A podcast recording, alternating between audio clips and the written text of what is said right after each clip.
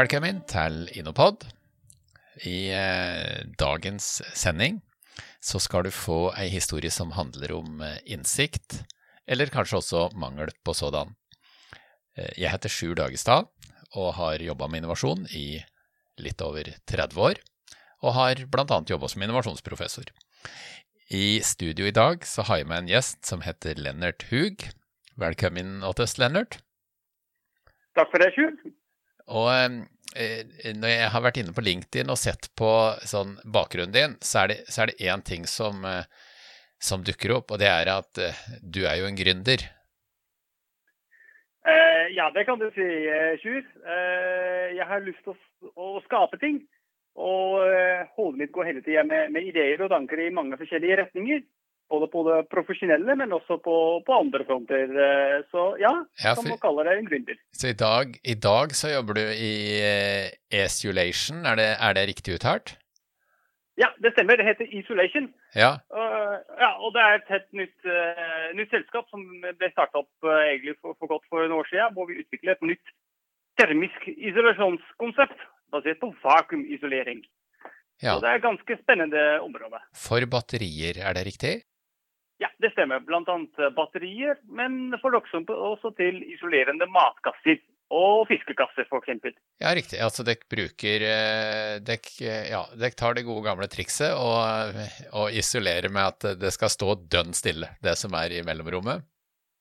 Det, vi skal fjerne alt som eh, lærer temperatur mellom veggene. Så, ja, og det er en konsept som kan brukes i, i mange områder. Og det er jo det er en gammel teknologi, allerede funnet opp i 1900-tallet. Eller 1892, var det det? Ja. Så um, ja, og nå har vi funnet en ny måte å, å bruke det ja. i, eh, i, eh, forskjellige produktområder. Så utrolig spennende konsept.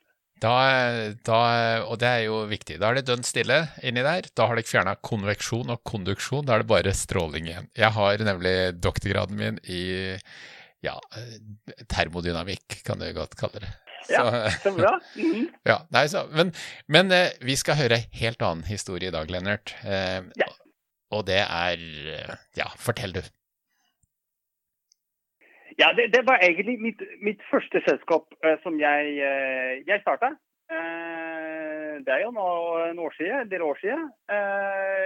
jeg var akkurat ett og et halvt år i Norge. Jeg er jo opprinnelig fra Nederland.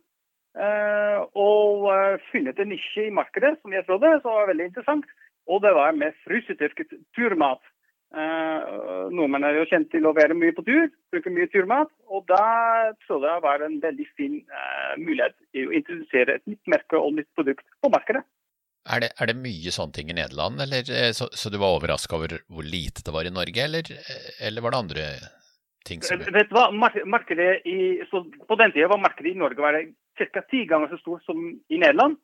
Men i Nederland fantes det en hel rekke med ulike produkter. Og i Norge var det bare ett merke. Og den var eh, ganske stivt prisa, si det sånn. Ja, ja, det er ikke så rart noe vel. Men det er en interessant betraktning. Altså stort marked og én leverandør, kontra på den andre ja. siden eh, lite marked og masse leverandører. Så da, da tyder det på at uh, den norske leverandøren må ha vært i et blått hav, mens i Nederland så har det nok vært rødt hav, for å bruke en sånn metafor. Eh, ganske riktig. og Når jeg fikk snakka med en del eh, kunder eller innkjøper av eh, sportsbutikker, var det ganske tydelig at de, eh, de, likte ikke så veldig godt å kjøpe av en det sagt monopolist, selv om det var gode produkter. Eh, det er ikke mange som innkjøpere som, som liker det. så De, de ga veldig positive signaler at ja, kommer du her med noe nytt? da er det veldig interessant. Men uh, vi skal gi, gi, deg en advarsel. Det er ikke lett å starte med import av mat til Norge. Du må ha godkjenning av Mattilsynet osv. Så, videre. så kom tilbake når du har fått det på plass. Da tar vi deg imot. Ja, riktig. Ja. Så det var, eh, det var hinder nummer én å få lov til å importere ja. mat? Det var det. Men. Men, men, du ville lage det i Nederland, eller eh, kunne du ikke lage den maten i Norge? Eh, vi, vi, setter på forskjellige muligheter. Eh, men produksjonen i Norge har blitt enda mer komplisert i startfasen, spesielt med godkjenninger. Eh, og eh, ja, fra min bakgrunn, jeg er jo ganske sports- og friluftslivsinteressert også, hadde jeg et ganske omfattende nettverk i Nederland også, og kjente bl.a. en liten produsent eh, som var veldig interessert å produsere produkter for oss eh, til det norske markedet. Så da knyttet vi opp et samarbeid med en, eh, med en produsent i, i Nederland. hvor de produserte retter basert på våre ja, oppskrifter, la oss si det sånn. Ja. Og så kom dere i gang med å levere i Norge? Ja, selvfølgelig må vi selvfølgelig først den første, terskelen med, med Mattilsynet. Så jeg husker fortsatt veldig godt. Vi både på den tida med, med familien min på, eh, på gamle Stovner i Oslo. Og vi måtte ha en, eh, en, en, en godkjent mat sine lager. Og jeg tror jeg er blitt den første som hadde et godkjent varelager for Mattilsynet i et rekkehus på Stovner. Eh, og Det var litt, litt, spesielt å ha fått en eh, inspektør fra Mattilsynet på besøk ja. til vår seks kvadratmeter bod. Som var egentlig var, den ble faktisk godkjent av Mattilsynet fordi de fulgte regelverket til pynt og prikke. Så det var litt en, en, veldig morsom og interessant start, faktisk. Ja, kult. Ja. Så ja, det, det, var den første terskel. Og deretter eh, starter vi rett og slett med å introdusere blant eh, spesialbutikker, og ikke minst blant en del eh, kjente ekspedisjonsfolk i, eh, i Norge. Eh, vi hadde bl.a. Eh, kjente personer som Børge Ausland med på vår, på vår kundeliste. Jeg husker fortsatt at han var utrolig glad i vår frysedyrkede sjokolademus. Ja. Som ja, var en av hans favoritter. Ja. Så det var, det var influensere som du da fikk på plass? Ja, absolutt. Eller, eller, eller, eh, bjell, eller bjellesauer, som vi av og til kaller det på norsk. Absolutt. absolutt. Og, og, de var jo utrolig eh, glad i det. De hadde endelig fått mer variasjon i maten sin. Og når man som type burger er sånn, det er jo mange mange dager på tur, det er litt avveksling, er veldig greit. Og uh, kjøper man store mengder, er kostnader også en veldig interessant uh, punkt. Så de, uh, Det var de to punktene hvor vi skårte veldig bra. Så da fikk vi med en god del anerkjennelse i, i markedet. så det ble en, en god start. Og på den tida hadde jeg må innrømme at jeg fortsatte jurere ved siden av min, min vanlige eller si vanlige, min salgsingeniørjobb som jeg hadde hos Norsk Hydro. Men da ble det på slutt ble det litt sånn to fulltidsstillinger, og da fikk jeg en utfordring fra kona mi, så da må du bestemme deg. Hva skal du gjøre? Du har hatt lyst til å starte nå for deg sjøl. Nå kan du det. Hva, hva venter du på? Si opp jobben din og start med det. Så ja, det var den liste, siste dutt som jeg trengte, så da jeg sa jeg opp jobben og satser jeg for fullt 100 etter jeg har fått flere gode signaler eh, at her er det noe eh, å kunne bygge opp i markedet. Så det, Dette her er jo gründerens dilemma òg. Når skal jeg satse på egen virksomhet? For det er mange som er i jobb og lurer på når de skal hoppe over. Men du hadde altså begynt å krabbe før du begynte å gå, for å si det sånn. Så du hadde bygd det opp. Ja. Så det var eh, sånn at du i prinsippet kunne leve av det da du hoppa over? Uh, nei, jeg, kunne ikke leve av det. det. det. kan jeg nok ikke si. Men jeg hadde gode forutsikter. at denne, her klarer jeg uh, å skaffe uh, et levebrød om kanskje et år. Det hadde jeg stor, stor forventning og stor håp om. Og okay, Da må vi bare skru ned både vårt kostnadsnivå, vårt personlige kostnadsnivå, og da klarer vi det. Så det, det, det vi gjorde. Ja. Så, uh, det var også faktisk en ganske fin personlig opplevelse. Okay, vi klarer å skru ned vårt kostnivå. Ja, også, vi, vi, vi fikk eh, vi fikk egentlig veldig god traction i markedet. Vi fikk mange butikker eh, som ville prøve våre produkter. Vi kunne gi veldig gode betingelser til, til, kunder. Og jeg hadde en bakgrunn fra forretningssalg. Så jeg vil jo påstå at jeg hadde en god innsikt i hvordan kan jeg overbevise den, eller overbevise eller få med engasjere en innkjøper fra f.eks. XXL eller G-Sport eller de andre store. Så vi fikk uh, veldig god uh, innsalg. Vi fikk også med på laget Sivilforsvaret, Røde Kors, Speideren, store forbruker. Så i løpet av et år klarte vi å øke fra et par tusen poser til uh, nesten 50 60 000 poser med, med turmat som vi, vi solgte. Uh, og, uh, men da fikk vi allerede en del tilbakemeldinger. Altså, produktene er fint, men den innpakningen er ikke så veldig bra. Og det er ikke så veldig behagelig som den, den, den tradisjonelle norske varianten som vi kjenner til. Eh, og, og, kanskje noe av retter er ikke, er ikke helt tilpasset til norske, norske markedet. Og selv om vi hørte det, kanskje hørte vi ikke godt nok. Eh, fordi vi hadde også fått andre tilbakemeldinger. Og de sa nei, nei, nei, det er ganske fint. Men det var faktisk egentlig to forskjellige produkt, eh, kundegrupper. Eh, og det hadde vi ikke faktisk god nok innsikt om i, eh, i det første året. Nei, for du har, så, du har, erfaring med business to business eh, og var veldig sterk der, er det riktig? Veldig. Fordi i, i, eh, i min jobb i, som vi hadde i, Norsk Hydro på den tida, da hadde jeg ansvar for å, uh, som salgsingeniør å jobbe med hva de kaller crash management-systemer, som støttepengesystemer som gikk i de litt dyrere tyske biler. Så jeg jobbet veldig mye med, med Audi og Porsche og andre ganske anerkjente, tøffe uh, tyske kunder, hvor jeg var uh, ansvarlig for salg. Så ja, da lærer man noe hvordan å montere business to business-salg. Ja. Og det er en utrolig verdifull erfaring som, uh, som jeg fortsatt har nytte av. Og som vi også har nytte av når jeg starta opp uh, Adventure Food. Men jeg vil nok etterpåkloksak si at jeg manglet uh, business to consumer marketing. Den, den mangler jeg fullstendig. Og jeg husker fortsatt vi hadde en, den, Vår innpakning var en ganske enkel sølv eller aluminiumfarget pose. Så jeg kom fra Hydro Aluminium. Jeg syns aluminium var ganske fint. Men eh, folk flest i butikken eh, syns ikke det var noe så særlig eh, i øyespringende når det henger i et skap eh, eller på, på hyllene. Så det, det, det, var litt en, en, en diskrepans. Eh, men da skjedde det noe i det andre året vi jobbet med produkt. Og det var, Du er inne på den boka også, med den eh, Er det den sjette ja, det sjette element? element? Det sjette element, ja. ja.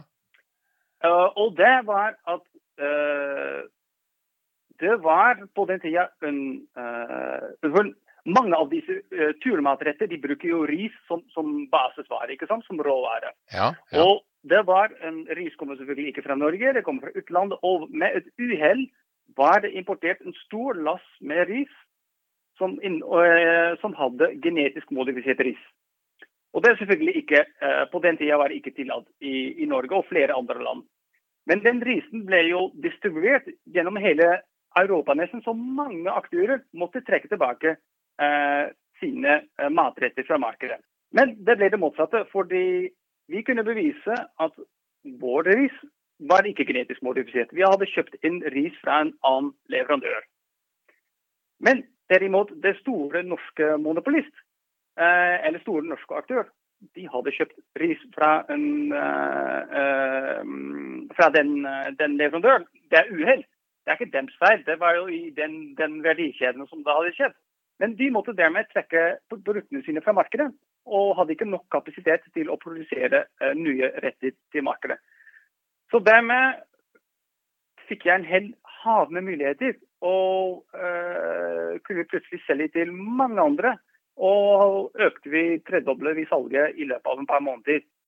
Så det vil, det vil si at i det, i det, tidsvinduet vi snakker om her, så var det du som ble monopolisten, faktisk, for du ble eneste aktør i markedet? Eller sånn ja, monopolist i hermetegn, da. Eh, ja, ja det, det, det, er nok. I, I, sin egen lille nisje ble man litt monopolist. Det er nok det. Så, og det, det, var ganske, det var ganske artig. Men jeg var også litt redd for at OK, nå er jeg jo eh, egentlig nå, Vanligvis ser jeg at ting tar tid. Selv om når man dyrker grønnsaker og sånn, ting tar tid. Og nå måtte jeg liksom akselerere hele prosessen. Jeg måtte pushe inn, eller ikke pushe inn, eh, selge inn alle produkter så fort uten at eh, folk flest i det norske markedet var faktisk kjent med, med mine eller våre produkter. Uh, så markedskjennskap var ikke, ikke så godt ennå. Så jeg var litt bekymret om det, men uh, vi tenkte ok, vi får satse på våre gode butikker og vi, vi, uh, at våre produkter er bra. Og uh, ja, vi satser. Det er det vi gjorde.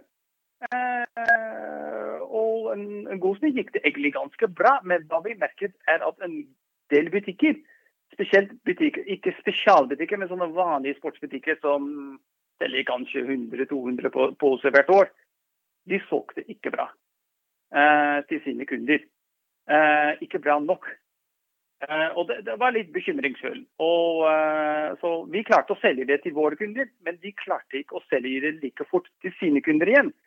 Eh, og da, da, da, begynte vi å merke nei, det, det her med, med, innpakning, hvordan det ser ut, og ikke minst smaken av rettene, det er noe vi uh, Det er viktigere enn vi, vi trodde det var. Uh, og på den tida jobbet vi veldig hardt med å få endret en del på emballasje og, og så. Og det, vi fikk det til. Det ble jo mye mer brukervennlig. Men uh, jeg vil nok si at vi startet for seint, og vi, vi burde ha fokusert enda mer på det. Vi kunne ha blitt mye flinkere på den, den emballasje, og ikke minst smaken. Uh, vi er jo, For å gi en eksempel på smak. Vi hadde sagt ok, uh, for å ha en sånn sunn mengde i salt, burde vi ikke overstige 2% saltmengde i, en, i et uh, matrett. Men mange av de rettene på det norske markedet hadde nesten 6-7% salt. Som er egentlig i vanlig Oi. europeisk sammenheng er altfor salt. Ja, det er, det er voldsomt. Ja. Det er voldsomt. Men det, det var folk likte. Det er det de elsket. Så vi syns faktisk del av våre retter var ikke salt nok. Så ja, hva gjør vi da? Vi, eh, legger vi på ekstra salt, eller holder vi oss til våre, våre oppskrifter? Og det andre er at ja, folket er jo eh, hva er kanskje en av de tradisjonelle norske retter? Det er jo uh, kjøttboller i brunsaus. Så alt må, måtte være veldig sausete. Uh, hvor mange liksom, europeiske retter Da var det fullt greit å kunne gjenkjenne noe av ingrediensene.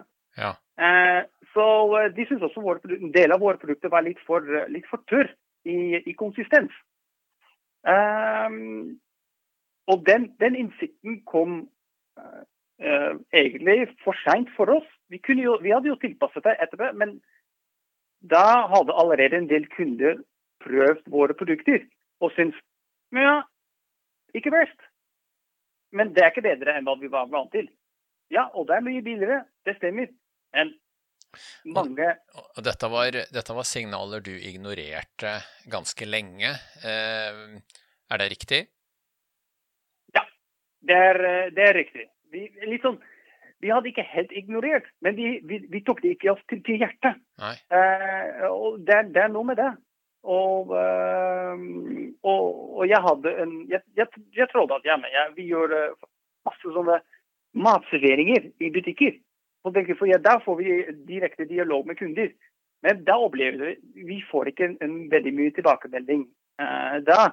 Fordi kanskje folk er litt, litt skeptiske og, uh, og, litt forsiktige å gi kritikk. Du vet, Vi, si, vi sier ikke det vi mener før vi har lukka døra bak oss. Nemlig. nemlig. Og jeg forstår det godt hvis det står uh, en, en gjeng i butikken som er veldig entusiastisk og gir deg gratis mat og ja, forteller en hyggelig historie. Du kommer ikke engang med trygg Du, det var litt, litt for lite salt. Og, så, så den, vi trodde at vi fikk veldig god innsikt, men egentlig fikk vi ikke det.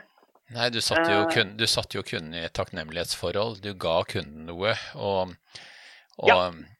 og, da er det vanlig å si takk, og ikke sparke, sparke det over leggen. Helt riktig. Helt riktig. Og den andre kundegruppen som vi fikk veldig positive tilbakemeldinger, var faktisk en del av de influencers, som Børge Ausland og andre. Men det er de som spiste jo uh, veldig mye mat. Og de var veldig takknemlige for, uh, for, variasjon og andre retter. Og ikke minst at våre produkter var en god del rimeligere. Var for de veldig viktig, for må du kjøpe en par tusen poser. Da er det en prisforskjell på uh, eh, 10-15 kroner per pose. Altså, det er ganske vesentlig. Altså kan jeg godt tenke meg at, uh, at en, en, som går mye på tur, eh, kunne tenke seg å spise mindre enn 6-7% salt? Det er noe med det også. Ja. Absolutt. Absolutt. Så um, ja, vi hadde en del innsikt, men vi hadde en manglende innsikt. Og, ja. um, og hadde jeg hatt en business consumer-bakgrunn, hadde jeg antagelig forstått det tidlig at det, dette er veldig viktig. Dette er ikke litt viktig, dette er det aller viktigste du må løse, og du må løse det nå. Og du, og du eh, Hvor lenge drev du firmaet ditt? Eh, til slutt har jeg drevet det fem år. Så etter fem år har jeg solgt, uh, solgt i et selskap. Ja. Uh, ja.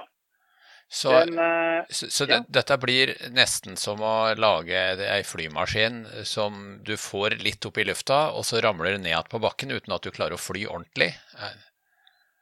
Kan vi si ja. det på den måten? Ja, det kan du si. fordi etter, selv om vi fikk de signalene at en del butikker ikke klarte å, å selge videre, vi klarte å opprettholde uh, salget uh, i hvert fall to år til med å hele tiden hente inn nye kunder. Uh, vi fikk inn f.eks.